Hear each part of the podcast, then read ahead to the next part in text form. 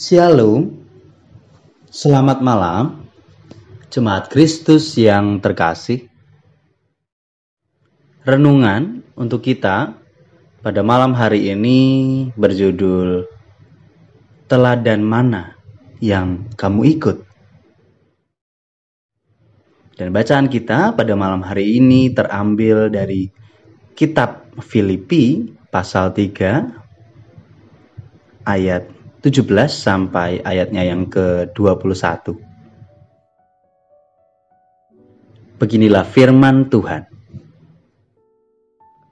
Saudara-saudara, ikutilah teladanku dan perhatikanlah mereka yang hidup sama seperti kami yang menjadi teladanmu karena seperti yang telah kerap kali kukatakan kepadamu dan yang kunyatakan pula sekarang sambil menangis.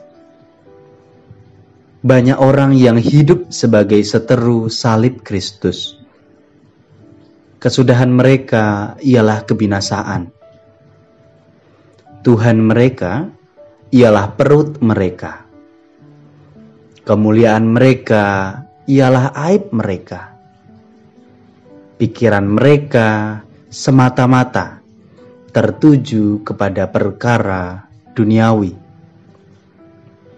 Karena kewargaan kita adalah di dalam sorga, dan dari situ juga kita menantikan Tuhan Yesus Kristus sebagai Juru Selamat yang akan mengubah tubuh kita yang hina ini sehingga serupa dengan tubuhnya yang mulia. Menurut kuasanya yang dapat menaklukkan segala sesuatu kepada dirinya. Paulus mengatakan demikian bukan untuk menyombongkan dirinya bahwa ia adalah pengikut Kristus yang baik, melainkan ia mengatakan hal itu demi menunjukkan kepada banyak orang bahwa akan ada orang di luar sana yang akan memusuhi para pengikut Kristus dan menentang kasih Kristus. Paulus menyebut mereka sebagai seteru salib Kristus. Bapak, ibu, saudara yang dikasih oleh Tuhan, Paulus mengatakan demikian karena sudah semakin nyata banyak orang yang meninggalkan Kristus dan menentang Kristus. Serta ada banyak orang Kristen yang tak dapat menjalankan kehidupan beragama mereka dan hidup beriman dengan tenang. Karena ada kelompok-kelompok yang berupaya untuk menekan orang Kristen. Dan bukankah hal seperti ini juga terjadi saat ini? Walaupun tak selalu langsung dapat terlihat, karena ada banyak cara yang orang lakukan untuk menekan orang Kristen. Namun, faktanya kita melihat ada saudara-saudara kita yang meninggalkan keselamatannya karena tak tahan dengan tekanan ataupun karena godaan duniawi. Oleh karena itu, teladan menjadi sesuatu yang penting. Apakah kita mengikut teladan yang salah atau teladan yang benar?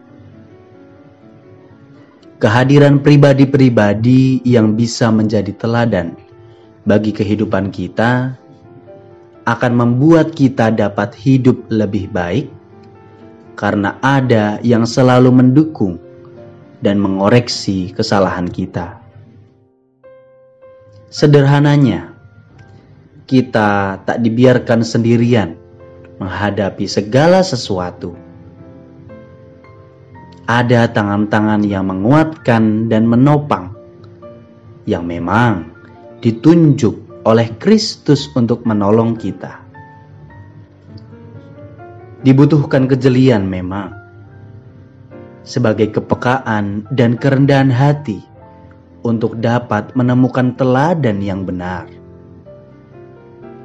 Dan mari juga menjadi teladan yang baik untuk orang lain. Siapa tahu, melalui kehidupan kita, ada kehidupan orang lain juga yang diselamatkan. Maju terus, kerjakan tugas dan keselamatanmu, jangan berbelok atau menyimpang. Demikianlah renungan pada malam hari ini. Semoga damai sejahtera dari Tuhan Yesus Kristus tetap memenuhi hati dan pikiran kita. Amin. Jemaat yang terkasih, Mari kita bersatu hati menaikkan pokok-pokok doa yang ada dalam gerakan doa 21 GKI Sarua Indah. Mari berdoa.